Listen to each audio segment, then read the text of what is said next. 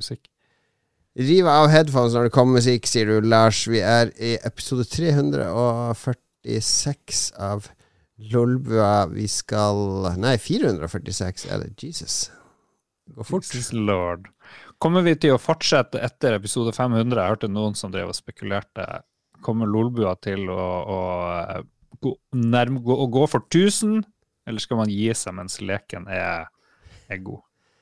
Det kommer an på hva vi orker. Lars. Altså, det kommer an på om du klarer å spille mer enn ti spill fra nå til episode 500. Hva tror du, Philip?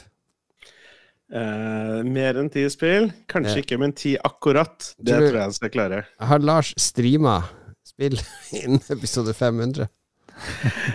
Det tror jeg ikke. Det er, det er altfor lite å gå på. Både det, Lars og Mats har noen stream-lovnader fra mange år tilbake som vi fortsatt går og venter på. Ja, jeg venter på boka deres òg. Jeg streamer bare på Pornhub. Ja, det er såpass. Ja, nei, vi prata om lyd. eh, at det av og til er litt for høy lyd på musikken. Det er, er vanskelig for meg å vite hvor høy musikken er før jeg spiller. Noen sanger er høye, noen er lave. Det er litt forskjellige lydfiler. Så eh, jeg skal prøve Egentlig har jeg lyst til Vet Monty Python hadde forslag til en sketsj en gang som BBC starta. Der sketsj skulle starte, så var det veldig lav lyd når de sitter og prater og sånn. Altså Alle går bort til de gamle TV-ene sine på 60-tallet og skrur lyden opp og opp og opp. Jeg hører jo ingenting. Opp og opp helt på maks, og så bare plutselig Men BBC fant ut at da vil de antagelig sprenge høyttalerne på tusenvis av TV-apparater og bli erstatningsansvarlig. Ideen var jo god, da. Ja. Hmm. Um, går det an å gjøre noe Kan vi gjøre noe som ødelegger utstyret til folk, liksom? Hvordan skal vi få det til? Det er alle som hører på Lolbua, plutselig You just ordered a thousand liters of milk. Ok. Gjort tenkt siden sist. Vi har masse vi skal igjennom, og vi prøver å holde fokus. Uh, Mats har tatt pause i dag. Han skulle på Var det en uh, onanifestival, Lars? Ja. Onani og eh, Harstad onaniklubb, HOK, er starta opp. Ja. Det hooker jævlig bra. Ja, du er med der, du òg. Åssen er det greiene der? Nei, jeg er jo leder. Uh, nei, vi har to medlemmer. Det går Du og. Mats? Ja, for dette er ikke noe nytt, egentlig. Det er bare først nå at dere har organisert dere. I et Ja, AS? og reach around-klubb eh, er det egentlig. Ja, ja, her liker du tanken på, Filip. Ja, ja, dette, dette liker jeg. Sånn Sem-relatert, så Jeg hadde egentlig ikke tenkt å fortelle her, men eh, det finnes jo to swingersklubber i, Norge. En i Trondheim og en i Tønsberg. Og nå skulle det åpne en til i Oslo. Og i dag så kom nyheten om at den ene investoren har trukket seg, så det blir ikke noe av. Hvor mye penger trenger man for å starte en swingersklubb? Eh, jeg kan sende, gi deg en mailadresse som du kan sende og spørre. Nei, jeg, skal ikke, jeg vil ikke ha noe med det her å gjøre. Er det det her du har lagt opp i det Patrion-kvitteringen? Er det, det det når du ber om Patrion-penger? Ja, jeg Jeg bare håper at forkledd du det ikke- som sånn Dungeons and Dragons rulebooks og sånn, men det er egentlig medlemskontingent i Oslo Swingersklubb. Ja, I alle typer rollespill så er det viktig å ja. Mye samme greie. Men uh, du er jo den, den som har opplevd mest siden sist, Philip, for du har vært på den, verden, eh, Norges største nerdefest. Ja, for første gang som 37-åring, som ikke var noe jeg i utgangspunktet så for meg at skulle skje. Eh, jeg har jo vår gode venn Marius Stensland som har mast på oss i midten av 20-åra om at «Å, kom igjen gutta, nå må vi dra en siste gang før det blir for seint. Men ble aldri noe av. Så fikk jeg da muligheten. vi snakker om TG, da, for lytter, som TG TG The Gathering. Hmm. Ja. Det an, bare antok jeg at alle skjønte, men eh, godt presisert uansett. Jeg var på quiz i påsken på Halsnøy, og da var et av spørsmålene Hva slags dataarrangement skjer hver påske på Ha- Hamar? Ja, Det var ikke alle som visste på den quizen. Nei. Det tror jeg til og med faren min eh, kjente til. Ja. Og han er gammel! Nei, eh, det var veldig artig å få oppleve det, sånn i det hele tatt. Det er jo det man ser for seg at det er. Masse, masse rader av PC-er og ungdommer, og utrolig mye energidrikk. Eh, Ja. Energisoodles.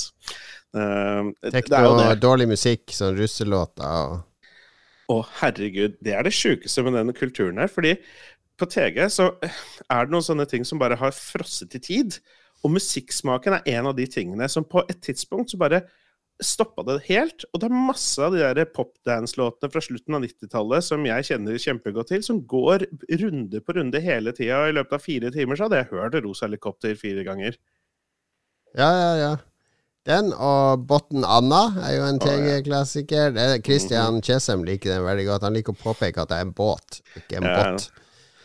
Og så, og så har du den der uh, Jeg husker uh, året jeg var der i 2000, tror jeg. Jeg var også altfor gammel uh, når jeg var der. Jeg husker året før, 99, var kompisen min Ronny var der, og han snakka om den låten han oppdaga der, den som alle spilte i 99. Det var 666 med Alarma! Du, du, du, du, du, du, du. Ah, og når den ljomer over 200 høyttalersett i det lokale Herregud, det, ble, det var stemning, sa han. Ja, det koste seg. Men var du der da som deltaker? Ja, jeg var som vanlig deltaker, så jeg eh, lå jo Sov på tribuner og hele pakka. Helt forferdelig. Helt grusomt. Aldri mer, tenkte jeg. Ja, jeg har vært litt nysgjerrig på hvordan det er å være der. Ja, fordi jeg fikk ikke spilt et sekund med et dataspill så lenge jeg var der, eh, men det er noe veldig fascinerende med å være der og bare liksom game 24-7. Og vi kom jo hver morgen sånn klokka 11, kanskje, og da Ja. var det jo helt rolig, for da lå jo alle og sov. Ja, Folk hadde gått og lagt seg bare noen timer tidligere. Sånn, liksom. Var det, eh, eh, det var jo mer sånn uhemma før. Det var porno. Folk satt og så på porno og sånne ting. Er det sånn fortsatt? Er det litt sånn eh, eh, Foreldre bør være bekymra? Det er mye mer ryddigere nå. Ja. Um, Ja, mye piratkopiering, for jeg skrev jo Jeg, jeg var jo han der uh, anonyme 1337 i VG, som uh, Rune Fjell Olsen slapp meg løs i VG under sånn pseudonym, der jeg skulle fortelle sannheten om spillbransjen. Litt inspirert av Red Eye. Men det stoppa når jeg leverte en kronikk om TG i 97 eller 98, der jeg bare kalte det et copyparty. For da frykta VG at de kunne få trøbbel med sponsorene til TG og sånn, så jeg ble sensurert!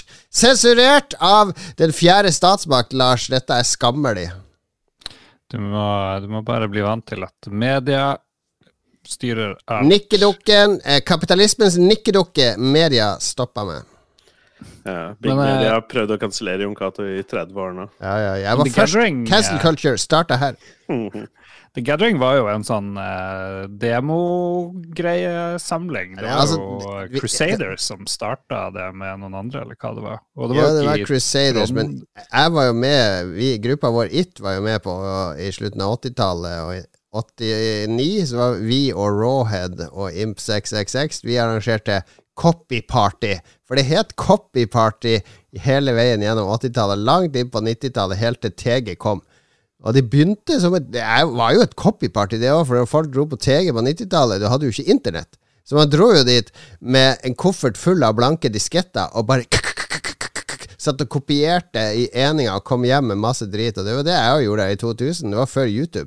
Så jeg husker jeg kom hjem med CD-rom på CD-rom på CD-rom med brente sånne morsomme klipp av folk som uh, skada seg eller falt i skibakken eller krasja. Altså det er YouTube, liksom. Altså fail army-drit som du ser på YouTube. Det satt man og kopierte. Så man satt jo og klikka seg inn på alle PC-ene i nettverket. Der hadde alle en sånn shared folder med piratkopiert spill, filmer, uh, drit og lort. Så man bare lasta over på sin maskin og brant ut.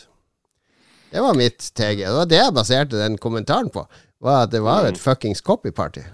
Ja, det er eh, fordi jeg snakka nå jeg har allerede navngitt han kompisen. og Han har vært på TG nå veldig Eller han var på TG mange ganger fra han var tolv eller noe sånt. Det var første gang. Og Ja. etter å ha hørt han snakke om det, så er det to ting som har forandra seg veldig. Og det ene er det med nederste eh, aldersspenn, fordi det var veldig få tolvåringer der. Eh, om noen, og de få som var der, hadde til, og med seg foreldre sine som satt ved siden av sånne ting. Eh, så aldersnivået er nok noe høyere, og så er det nettopp den kulturen der med hva man driver med, hva man ser på og sånne ting, som er helt, helt annerledes enn Alle spiller jo bare de spillene de vanligvis spiller, på en måte. Jeg så en fyr som satt og spilte Hogwarts Legacy i fire dager i strekk, liksom. Det sånn singleplayer-spill på Han kom seg nå ut fra rommet sitt, i hvert fall. Ja. Jesus lord. Satt ned med laptopen og headsetet på og spilte Hogwarts Legacy aleine. Um, Eh, så ja, hele den derre jeg, jeg, jeg hørte også om det folk som bare sitter og ser på porno randomly og sånne ting. Og alt det er borte, og hele den delingskulturen virker også å være ganske forsvunnet. I stedet så har det blitt mer, mye mer ja, student, organisert med disse konkurransene og turneringene i forskjellige spill. Politiet er jo der 24-7 med sin stand, og så ja, alle forskjellige sånne e-sportorganisasjoner. Narkohunder overalt og jeg så skikkelig få narkohunder. Jeg, var jo, jeg hadde jo med meg oppholdstillatelsen og alt mulig, sånn at jeg skulle kunne være når hundene markerte på meg. Tilfeldigvis, ikke sant. Ja, ja, ja. Men eh, nei, jeg så ikke en eneste narkohund. Rasistisk, men, de er eh, narkohundene, vet du. Ja, hver eneste narkohund jeg har møtt, i hvert fall. Men eh, nei, de var der hele tida. Men jeg skal innrømme at det er litt sånn litt sånn stemningsdreper å ha liksom fullt uniformert politi på en stand liksom kontinuerlig Ja, for det er fortsatt ikke lov å, å drikke øl og sånn. Nei, jeg sa jo ikke noe til noen form for rus i det hele Hvis jeg skulle dratt på TG i dag, så måtte jeg jo dratt i sånn Hunter S. Thompson-modus med, med en drink konstant i hånda og en uh, oppegående rus hvis jeg skulle holdt ut der inne, tror jeg. Jeg er for Er det, gammel. sånn, er det sånn konstant musikk og alo, og det, det er egentlig ikke levende hvis du er et voksent menneske? liksom? Det Nei, jeg tror ikke vi hadde klart oss lenge der, Lars. Vi burde egentlig dra dit og så streame live 24 timer i døgnet. Skal vi, vi skal være på TG fra start til slutt. Har ikke lov å gå ut. Ja. Og da kan du gjøre sånn subathon som vi gjør på Twitch, sånn hvor Ja. de kan donere, og så blir, må dere være der lenger antall minutter etter hvert som hvor mye som kommer inn. Men eh, nei, de har to forskjellige liksom, modes, eh, hvor grønt og rødt, eh, som liksom lyses med store lys i taket. Og når det er rødt, så er det ikke lov å spille høy musikk og sånne ting, men når det er grønt, så pumpes det jo på kontinuerlig megahøyt, og det deles jo ut gratis sånne ørepropper-ting, og det må til, på en måte, fordi det, ja, det er ganske jævlig å være der inne på sitt verste. Var det noe eh, Så du noe Commodore 64? Så du noe Amiga? Så du noe retro? Eh, det var én fyr som hadde en skikkelig stilig sånn retro-setup, med liksom gammel CRT-skjerm og noe gammel sånn der mekanisk tastatur og sånn IBM-mus og sånne ting. Han satt og spilte, jeg tror det var noen gamle greier altså hele helga. Eh, Larry hele helga. Kunne vært. Uh, nei, så var det, en, var det jo noe sånn retro-stand-aktig greie, sånn som, som hadde noe eldre spill og sånne ting. Og Nederlandslaget var jo der med Norges beste gamer, eh, men det strakk seg ikke så, så veldig mye mer tilbake. Det var mer LED-lys og, og sånne ting. og for det, det er den ene tingen som jeg har lyst til å trekke frem på slutten, er at det som imponerte meg mest, er jo de tingene folk bygger. For du får jo x antall centimeter i bredden, og så bygger jo folk seg sånne gigantiske Jeg bygger oppover. Ja, de bygger oppover. Sånne setups. Alt fra liksom noen hyller ekstra til å ha ting å legge ting i, til liksom sånne tre-fire stykker som slår seg sammen for å få en svær sånn greie som du kan ha alt mulig fra høyttalere og alt mulig. Ja. Ja, er noen jeg så hadde liksom booka plass overfor hverandre, sånn at den ene kunne ha en prosjektor, og den andre et svært lerret. Det er en slags uh, nerderånekultur. Jeg vil ikke si det er en sånn fusjon av eh, nerder og rånere. Mm. Ja, for det var mye håndarbeid, liksom. Ja, det er det. Håndarbeid ja, ja. og den der dårlige musikken der det er om å gjøre ha mest mulig bass og desibel. Mm, ja. ja det, er, det er litt av en greie. Men eh, de som er der, virker, så, det virker som de koser seg kjempemasse. Ja, jeg tror det. på Jeg håper han x antall år 14-åringen min er klar om et år eller to. Skal jeg gjerne kjøre han opp på TG. Ja, ikke sant. Kanskje du. Hørte du om noen som fikk eh, hobbit-feet? For jeg hadde en kollega som hadde en unge der, og han satt i ro så lenge at føttene hans æste opp. For han bevegde seg aldri, og det var visstnok en greie på The Gathering. At det var masse unger som må behandles for hobbit-feet. Mm. Det oppdaga du ikke. Eh, var det floppy disk-kastekonkurranse? Det husker jeg det var back in the days. Jeg leste om det i Amiga-bladene mine. I Norsk Datormagasin. Eller. Du er sånn der trist dude, Lars, som bare Du leste om, leste om Hyperstate. Å, så kult det har vært å være på Hyperstate. Ja, ja, ja. Her sitter jeg i Oslo. Jeg kan høre det heller på radioen. Og så leste du om dataparty. Å, ja, kult å dra på sånn eh, datatreff, men vi sitter nå heller her og spiller puzzle. Det var jo jeg og du som satt eh, ja vi, vi, vi var vår Leiligheten din. dataparty. Vi var altfor uh, sjenert til å fære oss sted. Ja, vi var det. Og- Ja, fucking useless var vi på den tida. Like greit. Eh, Eller så er det blitt snakka mye om de frivillige på TG, og folk som har vært frivillige en million år på rad, og sånn hører du om. og det må sies at det var ganske imponerende. Vi var jo der som sagt med E-sportforbundet og skulle ha noen NM-finaler og sånne ting der på e-sportscenen. Og det var dårlig planlagt fra mange sider, og det som blei på en måte levert på det utgangspunktet vi hadde, var veldig imponerende. Og det var liksom på grunn av alle de jævla flinke frivillige folka som var der. Så hvis du noen gang har hatt noe med TG å gjøre, så shout-out til deg, fordi det var eh, veldig godt jobba. Vi ble godt tatt vare på alt det der. Så ja, imponerende organisasjon over there.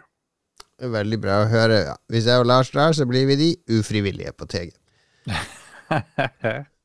Jeg skulle ha sånn ufrivillig T-skjorte. Ja ja. Lars, eh, nå, eh, du har utforska Jeg holdt på å si ny musikk, men det er vel egentlig gammel musikk i ny innpakning? Ja, jeg har, jeg har hørt mye på musikk i det siste, litt på grunn av noe jeg skal fortelle om i anbefalingsspalten. Men uh, det første jeg har hørt uh, litt prøvd å høre mye på, i hvert fall en par ganger, det er mye. Hører nye Metallica-plater to ganger. Ja, ja. Jeg klarer ikke å skille Ja, det er én sang jeg husker litt, og så syns jeg alt er bare trasige greier, altså. Det er som en uh, AI kunne lagd det. Lag Metallica-musikk. jeg tror AI kunne lagd mye bedre musikk enn det Metallica holder på med nå, altså. Herregud. Uff, jeg får litt vondt i meg. Men uh, det er jo et tegn på en Metallica-fan. Det er jo en som klager noe jævlig mye på Metallica. Det... Metallica vil jo alltid være det det har vært. Det er det som er problemet. Man vil jo egentlig ikke at det skal være noe nytt. Ja, men jeg var mest nysgjerrig på om det var liksom å prøve seg på noe litt nytt og innovativt, eller er det liksom samme greia, bare ja, nå, tror, nå, driver de og flørter med det som de lagde på de to Nei, de, ja, plate to, tre og fire, liksom. Det, jeg synes, Nei, du må prøve å høre. Det er bare Jeg vet ikke hva det er. Jeg tror de blir dårligere og dårligere hver gang de bytter bassist. Først døde Cliff Burton, og så pælma de ut han Jason Newsted, og da det ble bare verre og verre. Etter Jason har det bare vært ræl, egentlig. Ja. Men eh, så har jeg i stedet hørt mye mer på den nye um, Depeche Mode-plata. Oh, ja vel, ja. Opp i år. Og eh, det må jeg si, der, eh, der eh, De finner ikke opp hjulet på nytt, men det, det virkelig svinger. Det er masse melodier du bare nynner på med en gang. Og, det er konsistent. Ja, konsistent. Ja. Herregud, så gammel de begynner å bli. Jeg så noen der, Har du sett sånn YouTube-klipp av de når de ja, spiller noe nylig? De ser jo ut som de er, kommer rullende ut fra et gamlehjem og skal spille. De er så rynkete og tynne og Ja, de kom vel med første plate i 81 eller noe sånt, ja. tror jeg det var. Hvor de var sånn der happy, og så sparka dem, eller en fyr stakk, og så ble de bare mer og mer goth eh, etter hvert. Nei, men det, sjekk ut den nye, nye Depeche Mode-saken, altså. Uh, det er Artig. herlig. Jeg skal ha, Vi har laget så mange episoder til nå, så jeg skriver ned ja, det kan jeg snakke om. Så tenker jeg, har jeg snakka om det før? Ja, hvis jeg har snakka om det før, men det husker jo ikke du, Lars, i hvert fall. Fordi vi glemmer jo like godt begge to. Men jeg, jeg snakker om noe Det er egentlig er greia med eh, Fordi Eh, jeg har jo før snakka om når jeg går på butikken, så jeg, hat, jeg, jeg, tar aldri sånn handlekurv. Jeg er veldig dårlig til å ta det, for jeg skal bare ha to ting. Og så ender jeg opp med sånn tonn med ting i armene som jeg driver og balanserer. Mm. Eh, det er nå én greie. Og så hadde jeg jo en sånn butikkopplevelse her om dagen. Masse i armene. Kommer bort til kassa. Der er en sånn dude foran som driver og legger opp vare på vare. Litt melk her, litt eh, Omo Color, eh, en sjokolade. Og så legger han på siste vare, som bunke med gulrøtter. Og rett foran ham på det rullebanet da, ikke sant, så bak rullebane, eh, godt innenfor rekkevidde, så ligger det noen sånne, sånne firkantige, avlange pinner. Sånne skillepinner, ikke sant, som man legger ned mm. bak siste vare. Så kan neste kunde begynne å legge på vara. Fordi når den pinnen kommer fram til eh, kassapersonen, eh, så vet kassapersonen ok, det var siste vare, det blir så og så mye, vær så god, betal. Og så tar han bort pinnen, og så begynner han på neste kunde. Og da står jeg med hendene fulle av varer, og står han der duden der Ja, det har jeg lagt på siste vare. Og så Hvorfor i helvete legger du ikke på den pinnen, da? Når du ser at det står noen bak deg og skal begynne å legge på varer. Fordi det, det er han som legger på varene sin uh, fordømte plikt å legge på den pinnen. For den pinnen er en markør på der er slutten på mine varer. Det er ikke en markør på 'her er begynnelsen på mine varer'. Det er slutten. Det er, det er punktumet. Så hvis du er på butikken og ikke legger på deg en pinn, kom deg til helvete ut av butikken! Oi, oi, oi. Men uh, du kunne jo bare lempa på varene dine og så lagt på pinn. Ja, det vet, tror jeg jeg skal gjøre neste gang. Da skal jeg ta den pinnen, skal jeg flytte den litt fram, inn i hans varer, og begynne å legge på. Og så kommer han Hva er det du gjør? Det er mine varer! Er, du har ikke lagt på den pinnen og avslutta varene dine! Så nå er det mine varer! Og så skal jeg slå han i bakken. Det skal jeg gjøre. Jeg, jeg blir så irritert av sånn mangel på etikette. Etikette burde vært lover og regler med dødsstraff for de som ikke følger de. Ja. Du er jo ganske sint på folk som uh, tar heisen én etasje når du skal liksom Ja, det og på jobben er det en som har begynt å ta min sykkelparkeringsplass. Så det er generelt mye motgang i livet akkurat nå. kan du ta med, stjele noen sånne pinner og ta de med i uh, heisen? For, hvis, du, hvis å ligger en pinne i heisen, da er det ikke lov å trykke på flere etasjer. Da må du bare bli med opp eller gå ut? Jeg vet, jeg tenker på heisen der, når jeg går på i underetasjen, skal jeg stille meg rett foran. Trykke på fem, og så stiller jeg meg rett foran alle knappene med ryggen helt inntil. Hvis det kommer noen inn i første etasje og skal trykkes, bare 'Jeg skal bare til femte', og så kan du dra hvor faen du vil! det, det skal jeg gjøre neste merch, uh, Jon Cato, det kan bli sånn her uh, bærbart bånd. Så du bare setter på sånn her eh, sperrebånd foran f.eks. For knappene, eller bare hele heisdøren. Ja, bare ha det ved, altså. Sånn sperrebånd, ja. og så har du også på meg sånn gul vest, så når døra går opp, så later jeg som jeg reparerer heisen. Beklager, jeg må ta en annen. det er mye, mye bra her. Mye bra.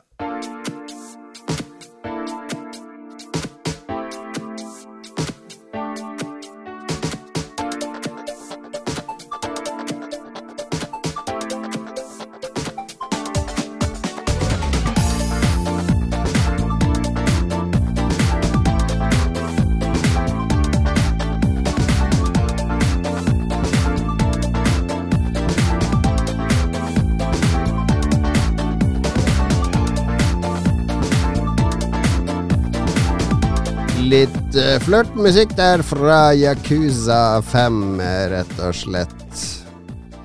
Et herlig spill, og da skal det handle om spill, faktisk. Vi har blitt veldig flinke til å snakke om spill i det siste, må jeg si. Ja, vi er Vi moser på. Ja, vi hadde jo en periode der det basically var ti minutter spill og 1 time og 40 minutter med ikke-spill. Men nå, nå, tror jeg vi er over 50 spill, og det er bra. Da holder vi, holder vi oss innenfor temaet. Jeg var jo gjest i Radcrew her for en uke eller to siden, og oh. da ble jeg på slutten spurt om hva den største forskjellen var eh, fra å være med i Radcrew og være på en Nordbø-episode. Og da sa jeg vel med litt uh, glimt i øyet at det var gøy å prate om spill. Uh. Yes, skal vi se Siste gang Philip er med Det var en vits, jeg lover! Slette regningsmappen på Drive. Hvorfor kommer jeg ikke inn i redaksjonsprat på Discord lenger? Ok, vi, uh, vi, skal snakke om hva vi har spilt uh, siden sist, og litt hva vi har hørt siden sist av spillnyheter. Hørt og spilt siden sist, rett og slett. Jeg kan begynne. Jeg har spilt uh, Egentlig så spiller jeg bare iRacing. Jeg spiller så mye iRacing at jeg har blemme på tomlene. Jeg kom meg opp på C-lisens i iRacing, så nå driver jeg og lærer meg å kjøre Porsche 992 uh, GT3, eller hva den heter. Veldig vanskelig bil å kjøre. Men jeg har klart å snike inn et spill som jeg har hatt på radaren min siden jeg så det på PC Gaming Show eller et eller annet av disse E3-møljeshowene som er i juni, som heter Blocky Dungeon. Og et det fenga meg umiddelbart når jeg så det på det showet. Fordi det er en blanding av Tetris og et sånn rogelike dungeon exploring-spill. Eh, det kommer Tetris-blokket øverst, som inneholder skatter og monstre og liksom labyrinter og vegger, som du putter ned, og så blir det til en dungeon, ikke sant? Du lager en dungeon med de, og inni der så har du en dude du styrer, som skal rundt og slåss med monster. Du har så og så mange moves for hver blokk du plasserer ned. Og når du får en hel linje, så kan han duden markere de linjene, og så kan du slette de ved å trykke på en knapp, og da går alt nedover. Så på papiret, for meg som liker, liker rogelike, sånn dungeon crawling, uh, levele opp og dit og datt, og jeg elsker jo Tetris, så burde det her være en match made in heaven, så jeg gleder meg skikkelig mye til å spille det. Det er ganske kjedelig. Altså, det, det er sånn uh, det er sånn splitta personlighet. Fordi når jeg sitter med de Tetris-blokkene Mitt instinkt er jo bare å få de ned så fort som mulig og fylle ut, ikke sant? Men jeg skal liksom få ned et par blokker, og så må jeg se inni de blokkene. Hva er inni disse blokkene? Hvor er veggene og sånn? Og plassere de sånn at jeg optimaliserer ruta til han der uh, duden min. Og så er det noe med han duden får sånn mer power, styrke i våpenet sitt jo flere linjer du clearer, så at han kan one-hitte farlige fiender. Og så er det sånn puzzle-kriterier. Det er egentlig et puslespill du skal oppfylle for å klare levelen. Og det ble bare en sånn tre, Hjernen min må liksom switche mellom to moduser hele tida. Jeg kom aldri inn i noe flow. Jeg har gitt det to-tre sånne faire sjanser, men jeg, jeg, klarer ikke å komme inn i en god flow på dette, fordi det er to sjangre som burde fungere sammen, men som ikke gjør det, av en eller annen grunn. Jeg får det ikke til å funke. Jeg driver og ser på Vidoyen. Ja, det ser jo lovende ut. Ja, det gjør det! Det høres kjempekult ut fra den videoen jeg sjekka ut. Det gjør det! Det gjør det, det er det som er så rart. Jeg klarer Jeg, jeg syns eh, gjerne at noen uh, lyttere eller noe kan med litt samme interesse Må gjerne prøve det. Det er jo ikke veldig dyrt. Koster 100 spenn eller noe sånt. Gjerne prøv det og se om dere klarer å knekke koden, for jeg har ikke klart å knekke koden ennå. Jeg går og tror at det må jo være noe genialt inni her et sted, men jeg, jeg klarer ikke å finne det geniale, rett og slett. Men du bytter mellom de to modsene, så du først går rundt i den lille brettet du har, og så plasserer du brikker? På en måte? Det ja, det er to sånne måter å styre på. Jeg styrer begge deler på en gang. Den høyrespaken styrer de mm. blokken, og venstrespaken styrer han duden. Men jeg driver ikke og går samtidig som jeg plasserer blokker. Jeg gjør jo den ene eller andre tingen. Ja, riktig. Ja. Så nei, mm. eh, superkult konsept. Jeg tenker dette er et konsept som nå hadde game jam. At jeg vil lage Tetris blanda med sånn dungeon crawler. Og så har det vært en kul game jam-prototype. Tenkt dette må vi lage et fullt spill av. Og så på et eller annet sted på veien så har de ikke klart å knekke den koden med hvordan få de to til å egentlig spille godt sammen. Så mm. ja. Eh, synd, synd, for jeg hadde virkelig lyst til å like det. De har sikkert prøvd masse løsninger. At uh, det eneste du gjør, er å styre blokken, og så går karen din av seg sjøl. Jeg tipper det. De tipper det. det. er litt sånn simpel backend og sånn, så jeg tror det er litt uh, amatørkode uh, under, men uten at jeg skal disse noen unødvendig. Hmm. Yes, Nei, men da har vi tatt en for teamet. Ja da, blokke dungeon. Men jeg, jeg må jo prøve nye ting. Må utforske, rett og slett. All right. Uh, angående iRacing, hadde du tenkt å streame det her om dagen? Ja, faktisk, for jeg drev og jeg har kobla opp uh, Jeg har nytt mikrofonfeste, så jeg flytter hele mikrofonstativet så det henger over simriggen min. Den øh, Jeg har alt til rette. Jeg har stilt inn så jeg kan streame, faktisk, når jeg kjører mm. iRacing. er fordi vi satt og streama her om dagen, og så satt vi og koste oss med Resident Evil og sånt. Du streamer jo fuckings 24-7, Philip. Ja, det er gøy å streame det. Ja, det er bra. det er bra. Shouta til Superdynapilot, en av de fasteste seerne. Han har nå sendt meg en Nintendo 64-kontroller med, med, USB til PC-en, eh, sånn at jeg skal for første gang fullføre Ocarina of Time. Og for første gang mm. samle 120 stjerner i Super Mario 64. Kult. det blir spennende. Men uh, det vi la merke til på streamen, var at plutselig så var det noen som kommenterte Philip, du spiller jo ikke iRacing. Og så hadde plutselig tittelen på Twitchen ja, og kategorien forandra seg. Og så lurte vi på om du prøvde å gå live med iRacing og trodde at du satt og streama. Eller noe sånt. Det var det jeg prøvde, rett og slett. Ja. Jeg trodde ikke jeg satt og streama, det gjorde jeg ikke, men uh, jeg prøvde. Ja, det gikk seg til, men uh, Jeg skjønte at det var noe, noe som blokka fordi jeg fikk sånn feilmelding. Ja, jeg håper litt at du satt foran PC-en og snakka til seeren og trodde at du streama, mens det ja. egentlig ikke skjedde noe. Jeg skjønte at det var noe som blokka, og så gikk jeg inn på Twitch, og så sa jeg der sitter Philip og spiller Resident Evil 2, og så skrev jeg kalte jeg det for noe stygt i kommentarfeltet, og så logga jeg av. det var deg, ja, selvfølgelig. Ja. Yeah. Mm, jeg har spilt noe som heter Unawowed. Jeg klarer ikke å uttale det. Hvordan er det vi uttaler det? Unawowed. U... Jeg vet ikke hva det betyr engang. Et uh, wowed. En Unawowed. Et wow, det er et løfte, eller noe sånt, er det ikke det? Ja. ja. Det er i hvert fall et, eh, et pek og klikk-eventyrspill som jeg har Som kom vel først i 2016 eller 17 eller 18 eller noe der. Ja. Og så har det dukka opp på Switch, fordi jeg plutselig blitt Mr. Switch. Så Jeg driver og googler noe bra sånne her, eh, eventyr på Switchen. eh, Litt sånn retroaktig, og så dukka det her opp. Som er sånn indie.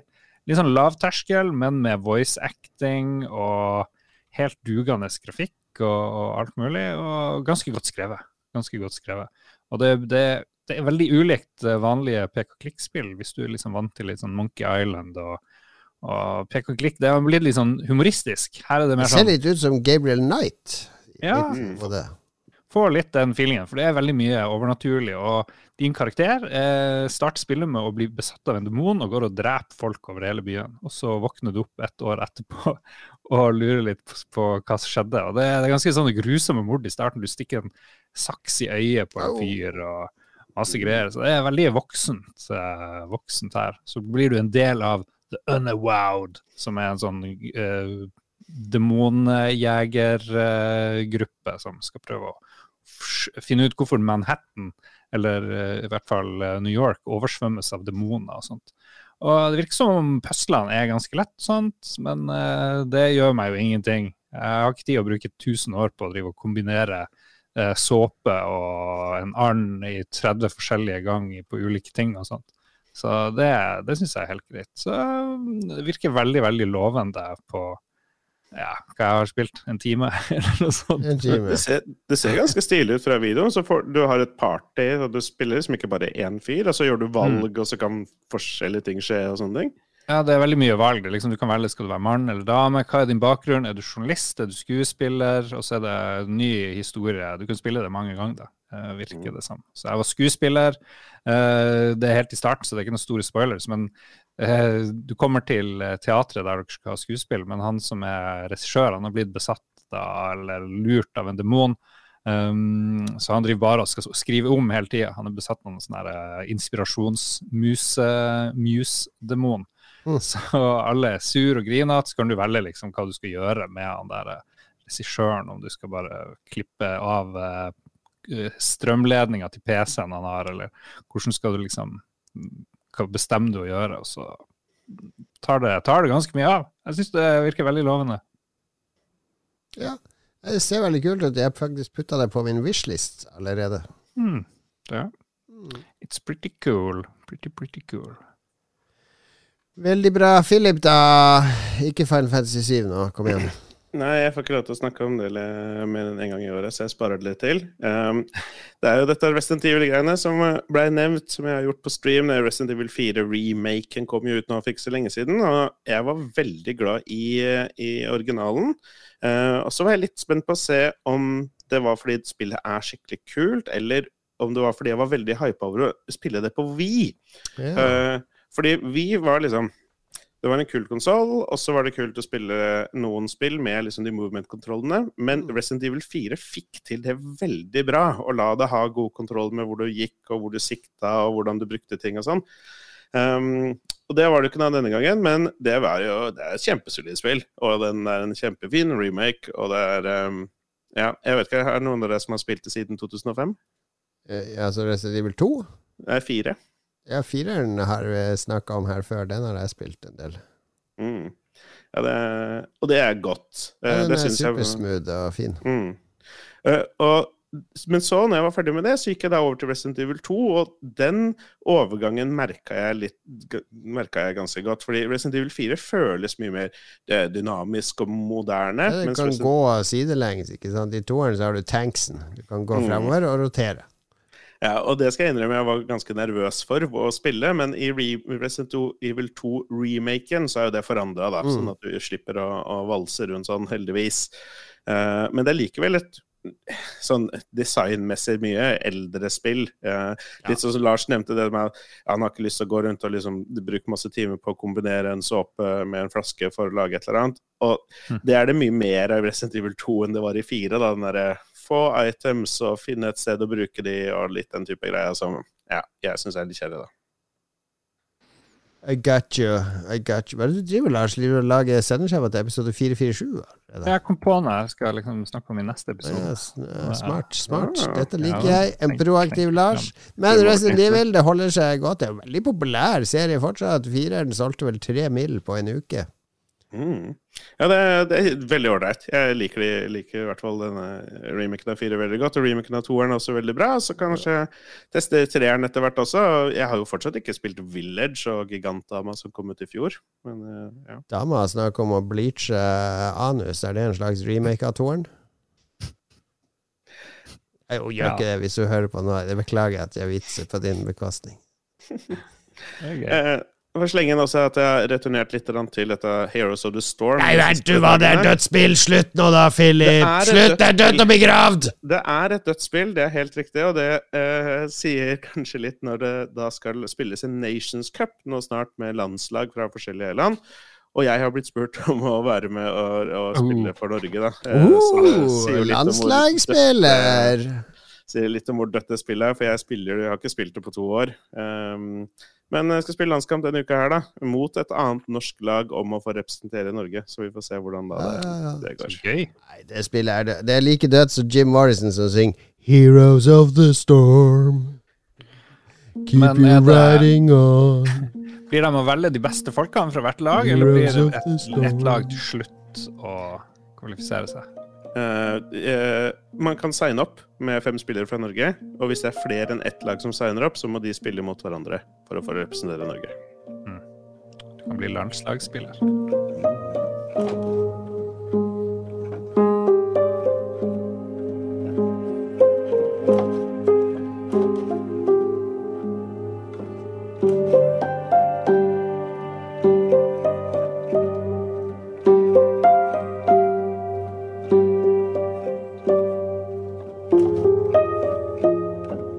Heroes of the Storm. Kom igjen, det må da være noen eh, som har spilt det spillet, som har laga en sånn mock-up-coverversjon av det der. Tror jeg aldri har hørt det før. Riders on the Storm. Mm. Ok, vi skal ha spillnews også. Eh, Vi, dette er vår spillrevyen minispalte, der vi eh, prøver å holde spilltemaet ved like og gjøre det vi kan best, nemlig synse. Og uh, min nyhet er som følger Halo er i full krise, Halo-serien. Nøkkelansatte som har jobba med Halo, har nemlig forlatt selskapet i hopetall. Sist ut er nå kreativ leder uh, Eller forrige måned så gikk kreativ leder Joseph Staten. Han uh, leverte inn sin oppsigelse. Eh, forlot 343 Studios og eh, jobber nå i Netflix Games. Og nå, eh, bare for noen dager siden, så sa også Frank O'Connor opp, og han er franchisesjefen til Halo, altså ansvarlig for hele Halo-franchisen. Han har også forlatt skuta. Og vi vet jo i fjor Microsoft var ikke så fornøyd med hvordan Halo Infinite gjorde det. Det skjønner jeg godt. Det var et uh, kult nok singleplayerspill, men multiplayeren som var veldig, veldig old school Litt sånn Sånn, sånn lager vi multiplayerspill i 2005. Uh, den uh, holdt ikke på interessen utover første. Men et av verdens verste battle pass, der du kunne få rosa armpute og lilla armpute og veldig dårlig variasjon i Altså, når du kan få banandrakt og bli Dwayne The Rock Johnson i Fortnite, det nytter ikke å gi meg et litt sånn der uh, annet filter på glassvisiret til Master Chief, liksom. Come on. Uh, 95 mennesker ble vel sagt opp i fjor uh, fra 343, så de ja, Vil Microsoft ha Halo lenger, Det er det jeg lurer på? Ja, de vil jo ha Halo. Det er jo liksom deres Men vil, ok, vil greie. vi ha Halo? For det er jo vi som bestemmer, vi forbrukere. Er Halo mer enn bare Det er som Metallica. ikke sant? Kan Halo noen gang bli det det var? Men det er litt eh, problemet med forbrukerne alt jeg vil si, er at Halo er en såpass god merkevare at det kommer til å komme et spill eller to til i den serien nesten uansett. Eh, men så er jo spørsmålet om, ja, om vi burde ha lyst på det, fordi det virker jo som at uh, ting begynner å skralte litt nå med flere av viktige nøkkelpersoner som forsvinner. Det er ikke noe godt tegn. Jeg, jeg tenker en franchiser som skal komme ut ofte Jeg kan ta uh, Hvis jeg tar skjermbilder fra seks ulike Halo-spill Jeg kan, jeg kan høre på quizen, Philip, og si hvilke Halo-spill er disse skjermbildene fra? Så er det nesten umulig. Og det, det, er, det er som å ta fra seks ulike Fifa-spill. Det, det, er, det er ikke mye forskjell på de skjermbildene, bortsett fra at du kan identifisere at det her er gammelt fordi det er få polygoner og lavkvalitetsteksturer. Men det, det er kun en eh, serie som har utvikla seg. Fordi hver gang de prøver noe nytt, så er det bare bitte litt, bitte litt nytt. Det er ikke nok nytt. Det, det ikke, de tør jo ikke å gå leaps and bones i nye retninger. Hva var det som gjorde at vi likte Halo i starten? De, re, de gjorde jo first person-shooteren stor på konsoll. Det var jo liksom det første. Ja, de lag, First person før det var veldig sånn skripta. Altså Det var som Doom. Du kommer inn i et rom, der står det tre dudes. Eh, eller det var Half-Life. Du går over denne usynlige grensa. Da dukker det opp en dude der, en dude der og en dude der i ambush. Mens Halo var sånn Her er en base. Det er 20 fiender som patruljerer. Du har kun med deg, du kan kun ha to våpen, så hvis du har valgt å ha med deg sniperrifla og pistolen, så må du angripe det på den måten. Har du valgt å ha med deg maskingevær og eh, sverdet, så må du angripe det på den måten. Og fiendene hadde en form for AI, ved at hvis du bare lå i cover, så prøvde de å flanke deg. det var en helt annen skytespillopplevelse. En mye mer sånn dynamisk. Jeg kunne spille en, en counter eh, på nytt og på nytt og på nytt, bare for å leke meg med ulike våpen og tilnærminger og sånne ting. Det var veldig gøy. Ja, Stor verden, dynamisk verden, så den der skjoldfunksjonen. At du lader Ja, du skjold. lada opp helsa di. Du slapp å lete etter sånne medpacks eller medstations overalt. De det var en del sånn QOL, Quality of Life Improvements, i det spillet. Så det fortjener for Det er en, var et stort sprang fremover for hele sjangeren i, i forhold til systemer og, og teknisk eh, Altså gameplay-messig. Ja, det satte Ja. standarden for en del av de tinga, og med Halo 2 så, og Xbox Live-tjenesten og sånne Mm. ting, så var det jo fullt kjør for multiplayer-spill på uh, multiplayer-skyting, ikke minst på konsoll også. Vi drev jo og lugga rundt tjukk-TV og Xbox 1 og kobla opp i LAN fire stykk for å spille to mot to, ikke sant? Det, det var såpass bra multiplayer i allerede Halo 1. Så kom Halo 2 og 3 og så videre, og så datt jeg veldig av litt, fordi jeg skjønte aldri Ja, det kom Halo mer 2, mer. Der- Der Bungie gikk seg veldig vill i historien sin, og så er det egentlig Vi skal avslutte dette nå. Og Microsoft bare Nei! Mer, mer, mer, mer, mer! mer Det var derfor det ble brudd mellom Microsoft og Bungie. Fordi vi har ikke så mye mer vi ønsker å fortelle i dette universet. Vi har lyst til å lage et nytt univers som heter Destiny. Men Microsoft bare Mer Halo! Halo! Halo! Halo! Halo! Halo! Forza! Forza! Halo! Forza! Halo! Det er Microsoft sitt mantra. Det er bare å kjøre på med det som er kjent og, og selv. Så de, de, de ga jo ut noe spill nesten på trass. og så var de endelig kvitt det, og så tok 343 over, og da har det bare vært Ok, jeg skal ikke kalle det Infinite søppel, men det der Halo 5 Guardians, eller hva det het, det var ikke mye å skryte av. Altså. Når var det det begynte å bli dårlig, holdt jeg på å si? For treeren syns jeg husker Treeren var litt solid. fortsatt bra. Bra. Og ODST, ODST det var ganske og sånn. kult. Så, eh, de hadde sine kvaliteter, de der, men det var liksom Du merka at de begynte å slippe opp for uh, Inspirasjon. ja, ja. Det, ODST var det siste jeg likte, husker jeg. Ja. Så det Men uh, Goodbye, Halo. Fuck sånn- det. Semirelatert, da. Det er han eh, Joseph eh, som begynte å jobbe hos Netflix nå. Han, eh, jobber, han jobber på et Triple A multiplatform game på Netflix-plattformen. Hva, hva er det som skjer her? Det høres ut som Amazon skal prøve å lage spill. Nei da, Netflix-plattformen har jo oppfølgeren til FTL, for eksempel, er det jo Netflix som publiserer. Eh, de er ikke Det er ikke de verste uh, sånn spillsatsinga jeg har sett, rett og slett. Ja, de har, de har noen greie spill, men du må ha Netflix for å spille de. Er det det som er greia, liksom? Det er veldig rart. Eller er det bare en type publisher? Hva er eh, greia? Ja, de De der mobilspillene her, da må jeg logge inn med Netflix-kontoen min for å spille sånne Netflix-publiserte Ja, på mobilen så har de en god del spill. De har Kentucky Route Zero, 12 Minutes. Uh, Pointby er helt sinns... Det er et av de beste mobilspillene jeg har spilt. Uh, Immortality, Oxenfree, uh, Into the Breach, det er jo FTL-oppfølgeren. Uh, De er jo en Wondercut publisher, Forever. Ja, de er en publisher, men de har uh, mye indie-spill. Altså mye gode indie-spill. Valiant Hearts osv. Men Spilles det liksom i Netflix-appen, eller via Netflix-appen, eller De er, Nei, eh, det er mobil, mobilspill. ja, på mobil, tenker jeg? Mm. Mystisk. Ja, ja. Uh, men Halo, tror vi, hva, hva må til? Kan Gid Bungie Bungie driver jo og, sliter med Destiny, gjør de ikke det? Det går ikke sånn kjempebra. Kanskje de Det er en annen nyhet. Vi kan ikke gå oss helt vill nå. Det må, være, det må ta en egen nyhet på uh, Bungie. Vi må videre. Vi bruker så mye tid nå. Vi er snart oppe i en time her. Ja, fordi vi koser oss. Ja, det er bra. Philip, da, du har med deg en nyhet. Jeg har det, jeg var usikker på hvilket nivå jeg skulle legge det på, alt jeg på å si, men eh, det er jo liksom bransjerelatert at Sega nå til morgen i dag, eller i går kveld eller noe sånt, nå fullførte kjøpet av Rovio, Angry Birds-skaperne, for eh, en million milliarder eller noe sånt. da. Eh, så det er en retning som Sega kan gå i, I guess. Vi Hva får er- hva kanskje er Rovio laga etter Angry Birds?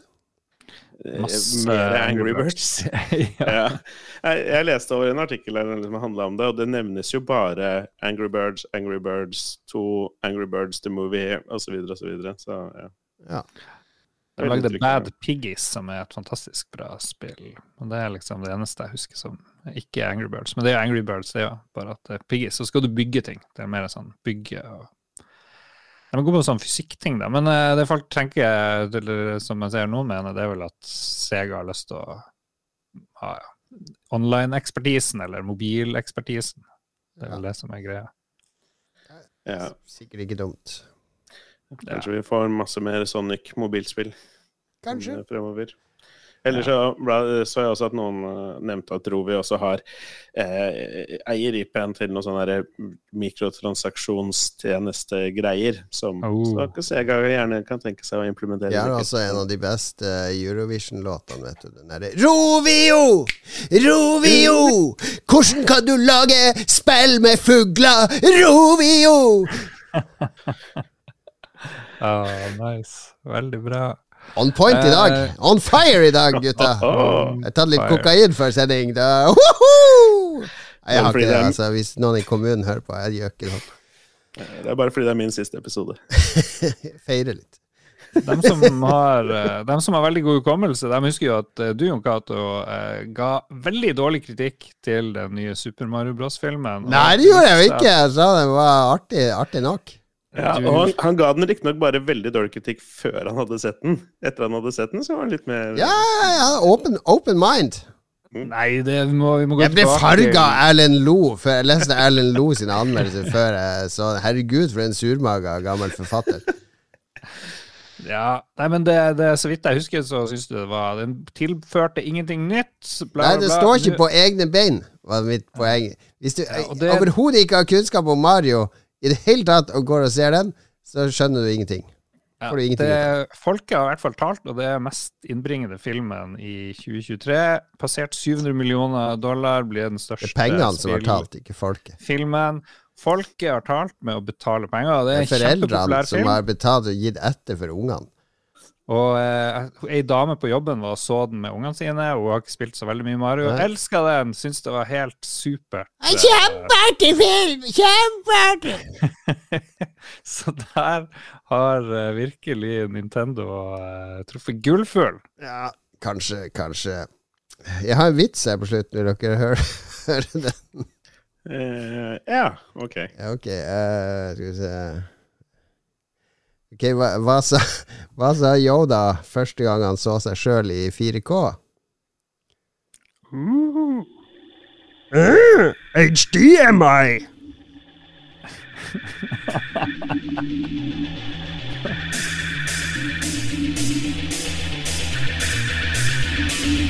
Det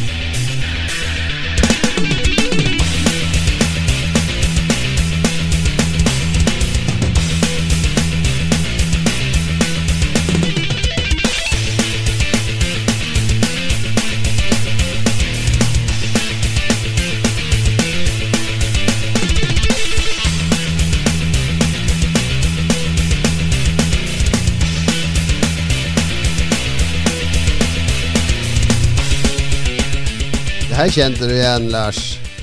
Dette er Doom. Ja, en liten remix. En Doom remix. Uh, Ed Critchley som har uh, Nei, det er det ikke. Skal vi se hvem det er. Eh, properties Details Han heter Faen, det sto ikke Det er Depeche Mode. Eh, Metallica. Mm. Coveret. eh, Metallica Does Doom. Ja, hvor ble det av Philip nå? Er det Friends-plakat han har på veggen der? Han fikk jeg høre at det var sånn swingers-party borti gata. Hvem er det som ikke har Friends-plakat på veggen? Det er gøy. Han, eh, DN Pablo. Dan Pablo som remiksa Doom eh, der, altså. Vi eh, skal fortsette å snakke om spill, for nå skal vi tilbake til februar 1987. Hvor gammel var du da, Philip? To år. To, en bitte liten eh, latinokrølltopp som eh, subba rundt og bare wah, wah, wah, wah, wah. Mm. Ja. Det er gammel nok, det. Gammel nok det til å spille sitt første spill, og kanskje ditt første spill var et av de spillene vi skal gå innom nå. Jeg tar, det blir så mange jeg stryker etter. Diskvalifiserer et. Eh, vi kan begynne med en, et spill som jeg spilte veldig mye, som jeg, jeg syns var dritkult, fordi vi er på Commodore 64, eh, og vi er i eh, andre verdenskrig. I et spill som heter Into the Eagles Nest. Ørneredet vel, er vel en eh, en, eh, Er ikke det i masse sånn litteratur og film om andre verdenskrig? Var det et ekte sted, Lars? Eh, ja, det var jo det, var det ikke det? Det var jo der han eh, Hitler hadde Det var jo sånn borg oppe i fjellene. eh, Han er jo malte og tok Ja. amfetamin og koste seg. Into the Eagles Nest er et spill uh, utvikla av Pandora, uh, som lagde flere spill som Ingen som ble sånn megasuksesser. Uh, og der er du en andre verdenskrig-soldat som skal infiltrere da Eagles Nest, drepe tyske soldater, løse litt puzzles. Og det som er, var så kult med dette spillet, er at det har helt sjukt store uh, sprites. Altså, du er sånn stor, klumpete dude. Det er en slags gauntlet-klone, for det er sånn top down labyrint. Du må hente ammo, nøkler, og så kan du liksom se det er sånn dumme tyske soldater. De står lina opp som stormtroopere, sperra inn i et rom med en dør som de venter på at du skal åpne, osv. Eh, men det var et eller annet med stemninga og, eh, og hele det konseptet med å ta Gauntlet og gjøre det om til et singleplayer action-eventyr som eh, fungerte veldig godt i, i min bok. Ja. Jeg tror ikke jeg spilte det der Eagles Nest-greia, men det ser jo veldig classic ut, da. Det gjør det. Det gjør det. Jeg har garantert ikke spilt det, men det ser veldig artig ut. Jeg tror jeg hadde kost meg skikkelig med det da jeg var yngre. Kanskje ikke det tåler tidens tann så Nei. godt. Men uh, definitivt uh, et kult spill for sin tid. Det fikk god kritikk, og uh, også i sånn retro Kanskje spesielt i sånn retro, for da det kom, så fikk det litt sånn OK kritikk. Men det er et spill som mange vendte tilbake til, og, og mente er en litt sånn glemt klassiker. Hmm.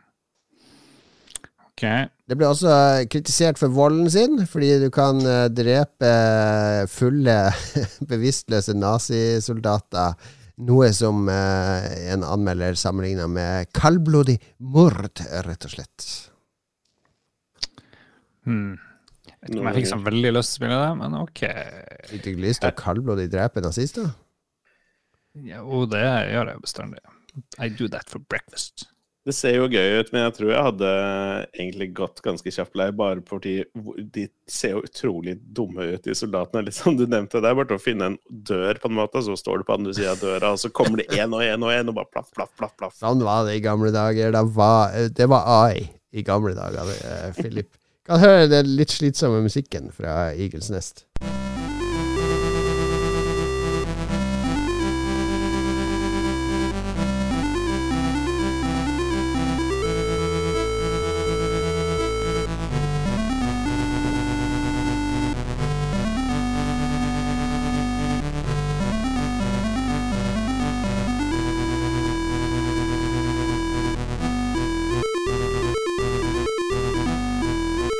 Var så sliten at vi måtte høre så lenge på den. ok. Neste ut så skal vi til Amigaens vidunderlige verden, og da våkner Lars. Fordi eh, Cinemaware, vi vet jo Cinemaware var jo de som på en måte uh, formidla potensialet til Amiga med Defender of the Crown, som vi snakka om for eh, et par måneder siden. Yeah. Og de var ganske produktive i starten her. Eh, og et av spillene de lagde, eh, tredje spillet jeg tror de hadde etter Defender of the Crown og King of Chicago, var Sinbad and the Throne of the Falcon. Og det husker jeg spesielt godt, mye pga. det fantastiske coveret med en sånn brystfager dame som du holder under armen mens du svinger sverdet med den andre. Ja, det er den klassiske gamle herrerollen i i dataspillene. En dame under armen, et våpen i andre hånda. Hva mer trenger du for å, for å leve og føle deg bra som gamer? Det er rart å si det. Men jeg, jeg hadde originalen til dette. Det ene spillet jeg hadde på Amiga i starten. Jeg, det så så kult ut, og jeg har så gode minner fra dette spillet, der du driver og Du går på et stort verdenskart. Du seiler da med Sinbad. Eh, du kan seile over hele kartet. Trigge dialoger, actionsekvenser. Kan finne sånn åndelig lampe. Du kan leie crew members i byer. Uh, finne sjamaner. Man kan slåss med sverd. Uh, komme over skipsvrak. Masse, masse som kunne skje. Skikkelig sånn eventyrspill som er, mm. for meg på denne tida var totalt filmatisk. Så jeg har ikke spilt siden 1988-89, når jeg satt og gnukka på Amigaen. Har ikke sett på det. Og når jeg ser på YouTube-videoer nå, tenker jeg i alle verdens land og rike Det ser mye verre ut enn Defender of the Crown. Det, det ser ganske forferdelig ut. Det, det, og det grensesnittet med de fargepalettene og det verdenskartet og de fontene Det er et eller annet kan det være samme Ja, det er samme spill. Jeg kjenner, det et eller annet jeg kjenner igjen. Det er mange kule sånne deler. Det er en del der du skal klatre med sånne boulder som faller ned, som minner litt om Jumpman. Uh, det, er, det var et ordentlig kult eventyrspill, altså. Jeg tror det hadde Hvis du remaka det her i moderne innpakning Det er strategielementer her med å erobre ja, en by. Jeg skulle spørre om det er noe sånn RTS-aktig element også. For jeg sitter og ser på den videoen, og på et kart så driver du og drar noen ting det drar noen sånne røde dudes til andre rubrikker. Ja, det, er, det var alt mulig. det var det som var så ja. kult. Det, det er ja. alt mulig. Alle mulige sjangre. Så jeg vil si at det holder seg egentlig, til tross for at grafikken er helt jævlig i dag. det ser jo ikke Altså, Defender of the Crown har mye mindre grafikk. Jeg tror det er derfor. Der trengte de bare å lage 10-12 bakgrunnsbilder, mens her er det sykt mye grafikk. Og litt animerte ting og sånne ting. Hmm. Men et magisk spill da det kom, altså. Det ser veldig spennende ut. Mm. Prøvde ikke det heller. Jeg føler at eh, februar 87 ser ut som et skikkelig dritt, drittmåned. Nei, må du gi deg. Så langt. Nå må du gi deg! Nå må du gi deg! Jesus lord. La oss høre litt uh, grann musikk fra han godeste Sindbaden, uh, uh, om jeg tør be.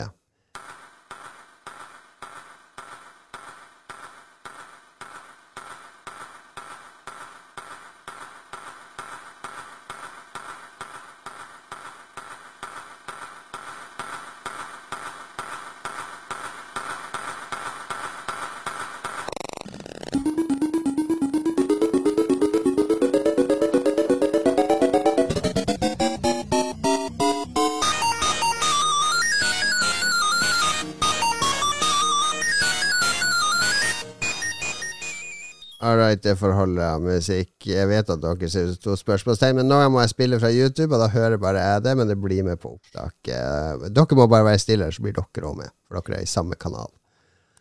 Okay. Har du noen vært i samme kanal som Philip? jeg har vært ganske nært, i hvert fall.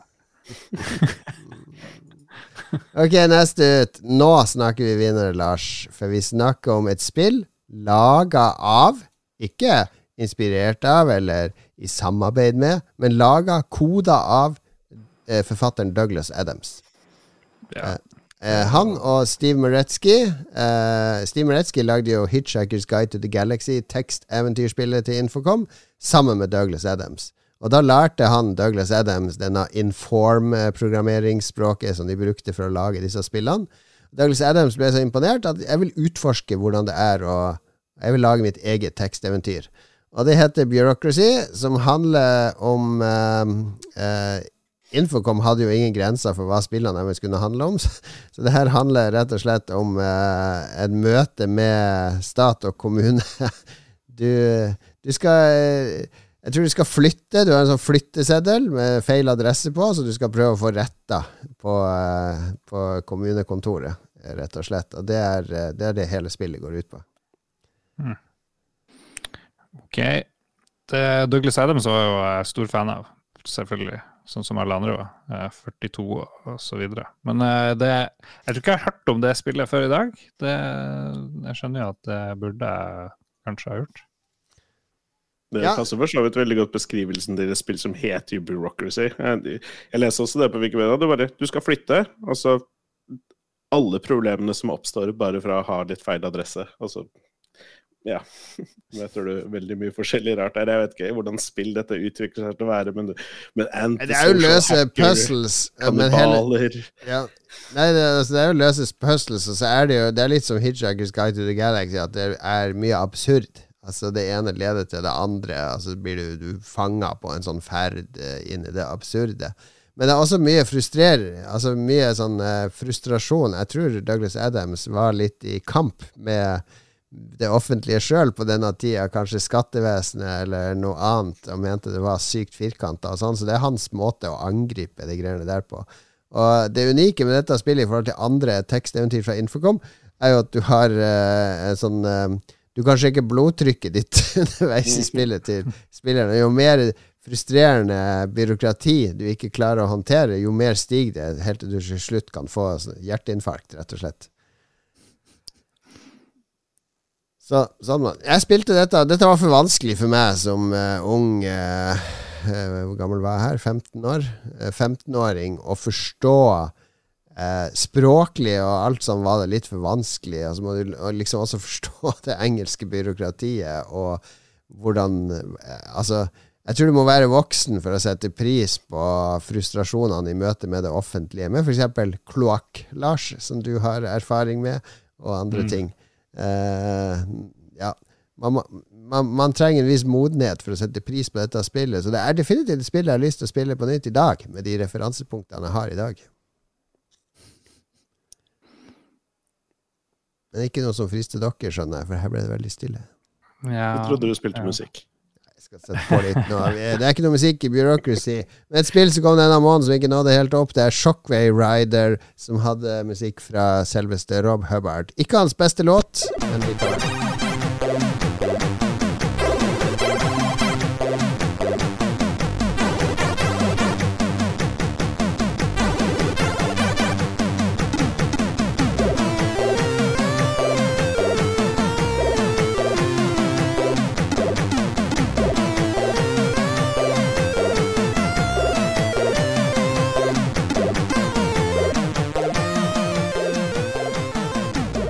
Neste skal vi til noe kanskje det mest kjente spillet denne måneden, nemlig Konami-spillet Kontra.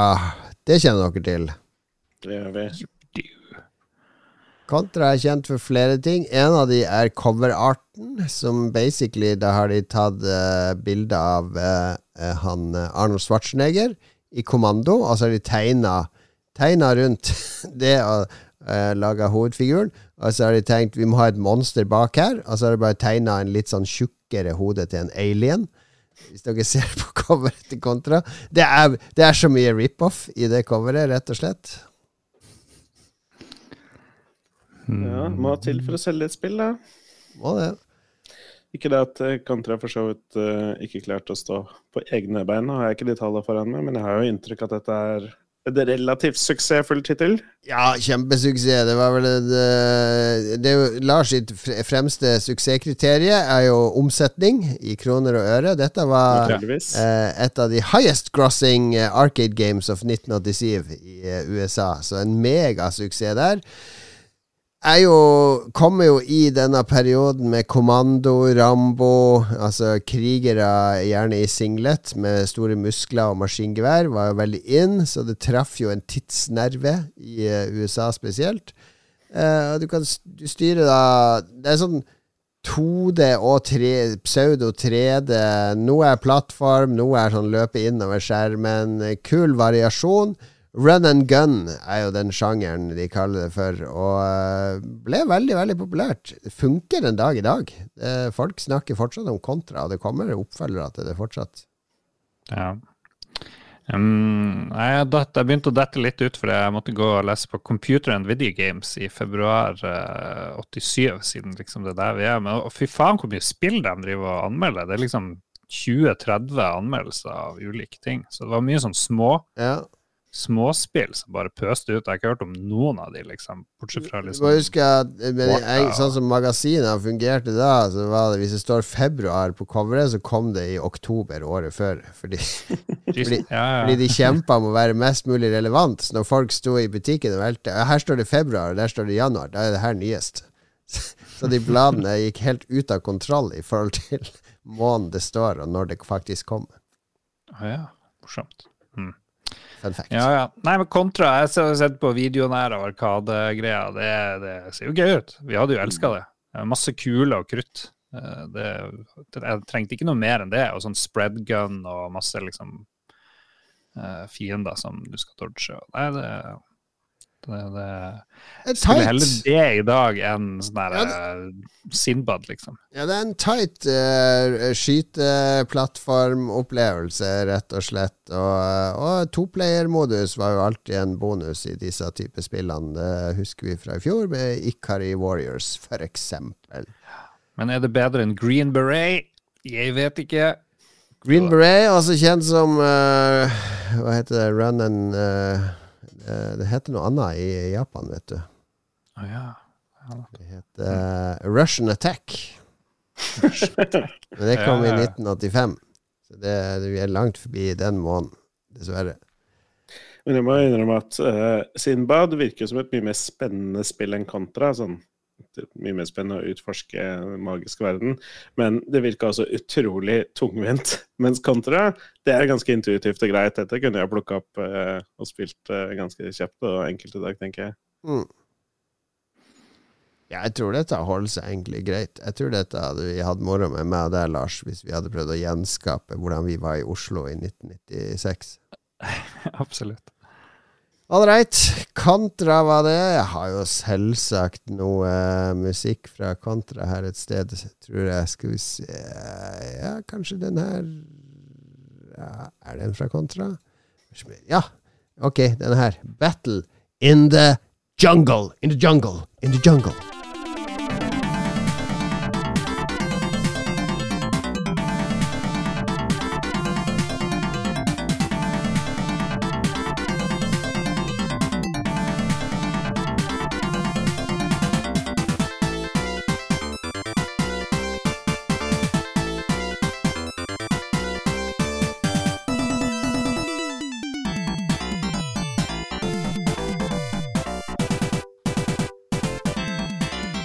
Jungle. In the jungle. In the jungle. The Prodigy, det som hadde der eh, Rough in the jungle. In the jungle. In the jungle. All right, siste ut er en kuriositet som jeg tok med. En kuriositet som er verdt å nevne, som ingen av oss har spilt. Ingen av lytterne har spilt. Det heter Wonder Momo fra Namco. Et uh, arkadespill uh, som ble utvikla som en Ultraman-style, uh, nesten en parodi. Eh, med kvinnelig protagonist, som var veldig sjelden på denne tida. Ultraman er jo den superpopulære uh, første Ikke første animeen eller manga, men det var vel det første TV-serialized Nei, var det, var det det? Eller var det Det var ett om Ja, nå blander jeg kortene her. Men det var Det er Noe. Det er et 2D, eh, litt sånn her Double Dragon-aktig spill, med en dame, Momo, som går rundt og banker opp eh, maskerte eh, overgrepsfolk, kan det tolkes som med moderne øyne. Ser, det, det, det har en litt artig stil, hvis dere ser på videoen. Jeg lurte på hva de fiendene var, men det er overgrepsfolk. Altså. Jeg vet ikke om det er overgrepsfolk, det er min tolking. Det var en tolkning. Ja, ok, riktig. Ja, For det er en robot man slåss mot, altså. En Ja. overgrepsrobot, kanskje. Uh, det er også litt sånn der uh, japansk pervodrit, fordi når du hopper, så kan du se trusa hennes. altså er det Det foregår liksom på en teaterscene Eh, så hun, du som eh, styrer hun Momo her, må være passe deg på, står det her. Fordi det er fotografer i publikum som prøver å ta bilder av trusene hennes. Eh, og hvis noen klarer å ta bilde av trusa hennes, så blir hun stønna. Hun blir så flau at hun blir stønna eh, i en liten periode og kan da ta skade. Uff, ja. Det sånn holder de på fortsatt der borte. Da. Ja, det er noen sånne semi-lettkledde bilder av henne på sceneteppet mellom aktene. Jeg skjønner ikke greia. Er det liksom et skuespill hvor hun banker opp folk? Ja, det kan se sånn ut. det var veldig spesielle greier. Veldig spesielt. Og eh, det er jo artig, artig å ta en titt på noe som vi ikke kjenner fra før av, men hovedgrunnen til at jeg tok det med, er at det er det siste 8-bits Arkadespillet som Namco lagde. Altså det er Oh. det siste i den generasjonen av Arkadespill, før de gikk over til 16-bits, som ble eh, mye mer farga, mye smoothere scrolling, flere sprites, bedre musikk osv. Så, videre. så jeg, jeg syns det var litt artig å ta det med som en slags Nå lukker vi døra for 8-bits-æraen deres, dere i, i Arkadehallen. Her kom det en robotdinosaur som spytter ild her. Ja, det var bra det var ild og ikke noe annet perverst han spytta. Aldri undervurder japanernes perversitet. Her er litt Wonder Momo-musikk.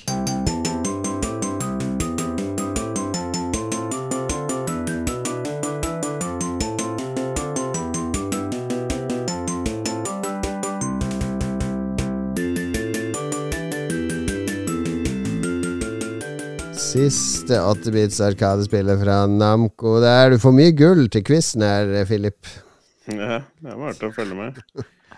Ok, vi har fem spill. Eh, kanskje ikke den beste spillmåneden, februar 1987. Vi har altså Into the Eagles Nest, nazi-infiltrasjon, snike-action på Commodore 64. Vi har Sinbad and Throne Falcon. Superambisiøst, men lettbeint uh, Cinemaware-spill med masse variasjon. Vi har Bureaucracy, Uh, Douglas Adams sitt oppgjør med stat og kommune i England. Kontra krigsglad Rambo Predator eh, kommandokopi uh, fra Japan. Og Wonder Momo absurd japansk halvpervers teater. Det er åpenbart hva som er månedens spill. Det må jo være Momo. Er Wonder Momo, hva sier du, Philip? Eh, superambisiøst og lettbeint, som Simba der. Det beskriver jo egentlig meg ganske godt, men jeg, jeg tror jeg må for rettferdighetens skyld gi stemmen min til Kontra, dessverre. Sorry, Momo. Ja, ja. Og min stemme ligger på bureaucracy, rett og slett fordi jeg elsker Infocom. Så det betyr Jeg må kaste en terning, den, se hvem som får den avgjørende her. Eller skal vi gi det, gi det til Lars for en gangs skyld? Han er fortsatt sur for at han ikke fikk Samantha Fox strippoker den ene måneden. Skal han få den av For Philip? å få Wondermomo isteden, ja. Det veier opp litt. Wondermomo, Lars, det ble månedens uh, beste spill. Gratulerer, Lars. Wondermomo. Det betyr premien er at du må streame det før neste sending. Ja, ja.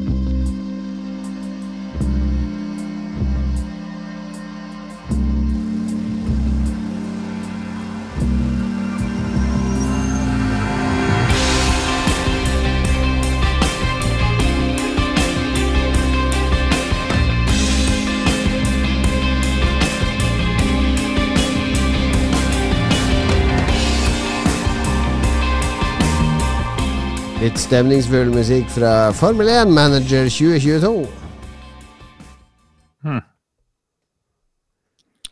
Jeg bare driver og ser på Wonder Moom, altså. Det, jeg gleder meg. Det blir en awesome stream der her, folkens. Ja, det er bra. Det er bra. Ja, fordi folk må få med seg alle disse lydeffektene også, i tillegg til musikken vi hørte. Mye sånn ja, ja, ja, ja, ho, ja, ja. ja, det er min beste etterligning av japansk eh, 16-åring. Vi er kommet til anbefalingsspalten. Og Hva har du å anbefale denne gangen, Lars Ricardo? Ja, jeg nevnte jo at jeg hadde hørt på musikk, og litt av grunnen til at jeg har hørt mye på litt sånn um, ja, nye ting. Jeg er ikke den som hører mye på Depeche Mode uh, før, egentlig, selv om jeg Eh, sånn som du, så har jeg funnet litt sånn nye live-ting eh, på YouTube som Ja. er litt morsomt. Eh, men eh, jeg har blitt frakta tilbake til 90-tallet i podkasten 60 Songs. Har du noen gang vært eh, frakta bort fra 90-tallet?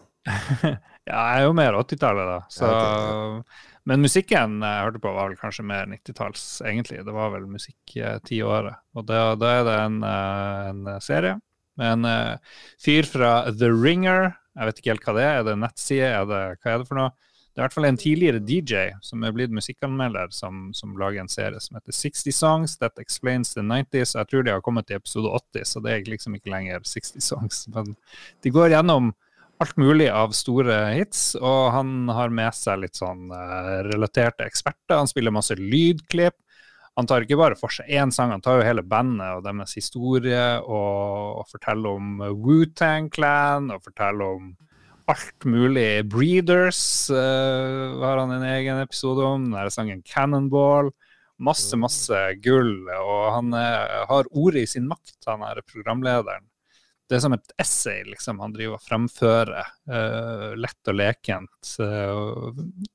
fantastisk fin uh, tidtrøyte hvis du driver og sykler til jobben eller et eller annet. Får du vite alt du har lyst til å vite om uh, ulike, ulike greier. Metallica, hvis du vil vite mer om det. og eh, jeg vet ikke, Mariah Carey og Madonna og mer obskure ting. Han er jo en sånn eh, pretensiøs musikkjournalist, da. Men han har vel blitt så gammel at han begynner å gi faen, så han, han eh, deler, deler, deler om all, alle sjangre, egentlig. Og alt som var stort på 90-tallet. Jeg driver og blar litt her. Det er masse her som jeg kunne tenkt meg å sjekke ut sånn enkeltepisodevis, i hvert fall. Eh, men vil ikke gjøre In 1996, a song conquered the world. It nearly destroyed us all. Surviving the Macarena. Absolutt. Ja da. Så her er det hardcore gangsterrap til Macarena. Morsomt. Er det bare Ja. ting du har hørt før, da? Stort sett bare ting du har hørt før. Noe, Du kan ikke ha hørt alt her. Er det noe du ikke har hørt der, eh, Philip, siden du driver og ser lista? Ja, eller det er sånn Hootie and the Blowfish er jo ting som jeg kjenner til, men aldri har liksom hørt på. Så det, det er nok eh, Har du ikke hørt på Hootie and the Blowfish? Jeg er for ung. Beklager. Men det, er, det, er, det, det meste her er ganske kjent. Eh, Jeg har veldig lyst til å høre på Return of the Mac-episoden. En fantastisk god sang. Å ja, Ja. nei, her er det mye bra musikk, egentlig. For 90-tallet, ass. For en tid. Ja, Ja. ja, ja. Absolutt. Nei, han burde jo ha de 400 beste sangene fra de 40 siste årene. Det er jo basically det vi gjør med musikk, eh, med spillspalten vår nå. Men 60 Songs That Explains the 90s, det er altså en podkast det er snakk om her. Yes. Yes, yes.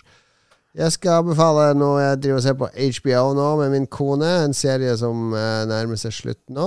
Eh, første sesongen heter Rain Dogs. Um, er en britisk serie, en samproduksjon mellom eh, HBO og eh, BBC, faktisk. eh, som handler om en eh, eh, dame som heter eh, Costello. Hun er eh, en eh, single mom, er det ikke det det heter? Alenemor. Eh, ganske fattig. Eh, hun jobber i en sånn der eh, peepshow. Der du vet, putter på en mynt, så går det opp sånn her rullegardin, så kan du stå og onanere mens, Mm. mens hun danser foran deg bak et sånt glass. Sånn, ja. Ja. Eh, og uh, hennes beste venn er en ekstremt uh, destruktiv homofil mann som heter Selby. Som er sånn aristokrat har sånn aristokratmor som han er i konstant konflikt med. Kommer ut av fengsel i første episode fordi han banka opp en fyr. Eh, og det er veldig destruktiv, uh, bekmørk humor her. Uh, det er en veldig morsom birolle med han Adrian Edmondson, som jeg og du liker veldig godt, Lars, fra Bottom og Young Ones. Ja. Ja, han han er med Han er Han er en sånn gammel maler. Uh, altså uh, egentlig ligger i senga og får sånn oksygen og sånn. Og hun der uh, Costello har sånn fast jobb og kommer hjem og vasker og sånn. Og da får han lov å runke mens hun vasker, da. Eh, for han er veldig kåt. og så hele alle veggene hans Det eneste han maler, det er fitte. Så alle veggene var dekt med sånne malerier, veldig eksplisitte malerier av fitte. da Så- ja, det er veldig, veldig gøy. Eh, og hun trenger Dattera skal i bursdag til ei i klassen, så hun trenger hun har ikke penger til premie, så hun får, hun får et sånt bilde hos han da, som hvis du snur det på sida, så det ut, kan det se ut som en solnedgang, og ikke inngangen på, på en skje, liksom. Ja, den er kjempemorsom, og den er en sånn britisk serie som du vet ikke helt hvor den går. Fordi den er Det er voldsomme ytterpunkter. Den er ganske eksplosiv vold i den til tider. Det er ganske sleazy til tider. Så er det litt sånn varmt. Og så er det mye smerte. Og så er det Det handler, handler også om uh, sinnslidelser. Hun har et veldig anstrengt forhold til mora, som vi ikke helt skjønner før et stykke ut i serien hva som ligger bak. Eh, altså, Det er skrevet av ei som heter Cash Caraway, og det er sånn halvveis selvbiografisk. For hun, hun hadde en datter og, og levde i av sånn peepshow og, og ble kasta ut av kommunale leiligheter osv. Så, videre. så det er litt eh, selvbiografisk. Men utrolig gode skuespillere. Og veldig, jeg liker sånne serier der du ikke vet hvor de skal, hvor de er på vei, hvor de ender opp. Uh, mørkt og morsomt samtidig. Rain Dogs på HBO. Eh, Jeg legger merke til to, to raske ting. Det er at tante Gloria er spilt av en skuespiller som beklager, men hun heter Runke Adekolorje. Ja. Ja, hun er afrikaner og heter Runke til fornavn, da. Og det er jo morsomt på et eller annet Ja, det er litt morsomt for oss i Norge, i hvert fall. Og så ser jeg eh, serien beskrives som Oliver Twist, men med store pupper. Og det er jo det jeg alltid Det ønsker er du meg så det er Oliver solgt, Twist. solgt for det, Filip. Mhm. Bra. Din anbefaling, da, Filip.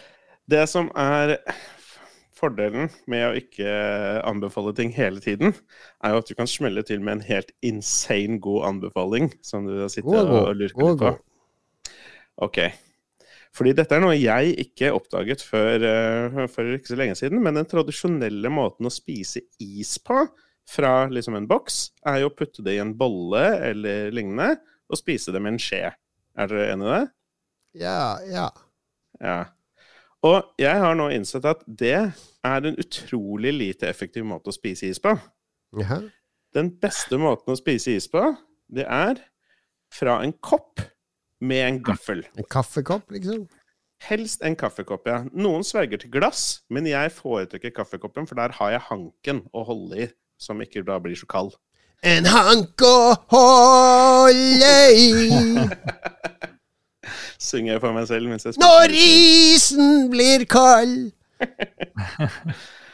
Eh, Det er mange grunner til at det er mye bedre å spise fra en eh, kopp med en gaffel. Eh, For koppis sin del så er det Det føles bedre å fylle opp en ting når du skal spise fra den. Og det å fylle opp en kopp, det føles bedre enn å sånn halvveis fylle opp en bolle. Det, det er bare en sånn psykologisk greie. Og så ut fra hvor mye is du vil ha, så bare velger du størrelse på koppen. Og så fyller du den opp til toppen. Og så har du Mm. den isen du vil ha. Det er Lars-nivå på de greiene her, Philip. Dette er kjempebra! For hva, Det er jo hva, perfekt. hva når isen smelter i bollen, når du har litt is igjen? Så må du skrape og skrape for å få det ut. Ja. Skal, du, eller skal du helle bollen? Nei, hva gjør du? Helle fra koppen, smelta is, rett ned i munnen. Helt perfekt. Og Mm. For oss som spiser litt sånn is som eh, sånn Ben Jerry, som har litt sånn sjokoladegreier i seg, noe chocolate fudge og sånne ting Når du sitter med den dumme skjea, så er det vanskelig å finne ut Er dette et veldig eh, liksom fryst del av isen, eller er det en klump med noe? Mens med gaffelen så er det mye egentlig å bare skrape litt, grann, og så får du informasjonen umiddelbart. Herregud. Philip, de snakker om deg på isbarene i Oslo. Å nei, nå kommer han der. Unnskyld, kan jeg få en gaffel istedenfor en skje? Kan jeg få en gaffel istedenfor en skje? Jeg vil bedre spise med gaffel. ja, Jeg vil ikke ha sånn plastskje. Gi meg en gaffel. etter jeg har bestilt både én pølse Har du kniv òg, så du skjærer opp isen og spiser den med gaffel? Ja, nei, det kan, fordi Spise is med kniv og gaffel, det er min anbefaling. Det som er fint med gaffelen, Du kan også bare skrape toppen, og så får du liksom en sånn fint lag av denne perfekte konsistensdelen av isen som du egentlig har mest lyst på. Nei, Det er, det er helt, helt fantastisk. Ja. Men du er inne på et poeng her, fordi is er jo best når den er nesten flytende. Mm. Eh, og det beste å gjøre med is er jo i min bok å lage milkshake av den. Så slipper du den der kalde greia, liksom. Eh, Men hvis du må spise is, så tror jeg gaffel og kopp er nummer én, altså. Du har Prøv det. Lars. Mm. Ja, test det. Jeg er blitt eh, helt, helt frelst. Overbevist. Species med gaffel og kopp. eh, 60 Songs That Explain the Nannies og Rain Dogs. Og gutta, jeg vippser 1000 kroner til den som vet hva dette, denne musikken er fra.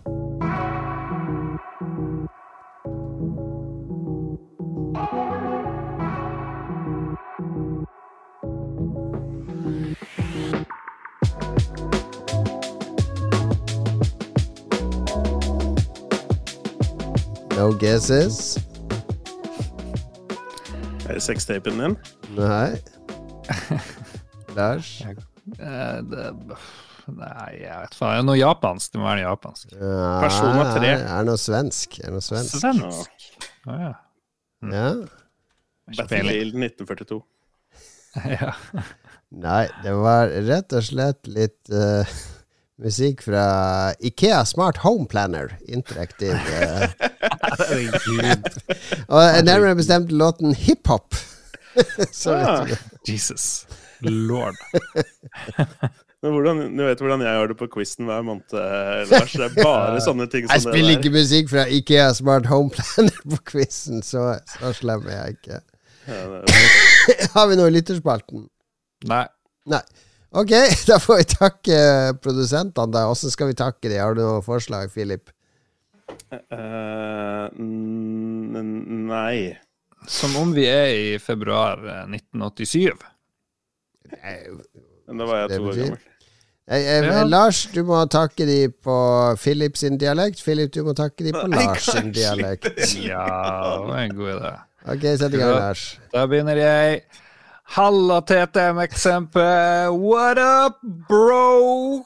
Åssen går det, kompis? Spist noe is med gaffel i det siste? Philip? Jeg, jeg, jeg hater det. Eh, nei, jeg, jeg, jeg orker ikke. Jeg orker ikke. Jeg melder meg ut.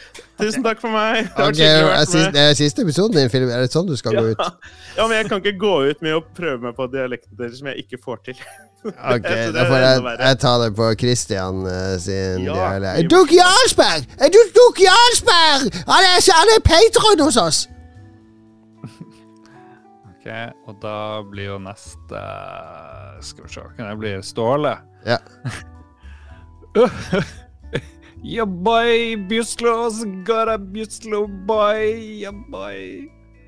Ok, Tommelen. eh, Jeg, jeg, kan prøve, jeg kan prøve Adrian. Ja. Hallais! Eh, og velkommen til Patron til han Tommelund. Eh, tusen takk. Ja, Spot on. Eh, hvem flere vi har da? Han eh, Håkon eh, Gøran Helge Nilsen. Han eh, eh, kan stikk- og knife-slåssing, eh, og det er en teknikk i Street Fighter. Med Guile, vet du. Med Guile på Guile sitt stage. Er det Stick and Stones? Stick and Stones and Knives. Hvem vil bli produsent nå? Ja. Jeg håper produsentene er fornøyd. Vi, eh, vi tyner oss Tyner oss virkelig her. Eh, vi får minne om tiltkast ganske snart. Eh, slutten av mai. Bare hold av eh, hele helga hvis du vil, for jeg tror det blir noe sjalabais på fredag òg for noen. Jeg kan ikke committe til noe ennå. Eh, vi har også regnskap, årsregnskapet vårt som skal leveres den helga, så jeg har litt full eh, tallerken. Så det er bra at Philip holder i tømmene der nede. Jeg forsøker å hjelpe til. Ja, Det blir veldig alltid. artig på til den 27. mai. Ja, det blir artig å se deg i levende livet òg, Lars. Mm, it's Ja. gonna be good. Vi har, noe, vi har noe gøy i vente for de som dukker opp, for å si det sånn. Eh, Det er, du kommer til å angre på det hvis du ikke var der. Jeg All right, vi er tilbake om en uke. Kanskje blir mars 87 en bedre måned. Kanskje er det andre ting vi må snakke om neste uke. Lars hadde noen ideer. Vi snakker om det på bakrommet. Du fortsetter å høre på Lolbua. Kos deg. Ha det bra. Og der var musikken over. Ikea Home Planner 2022 edition. Yeah, boy. Ha det bra. Ha det. Ha det.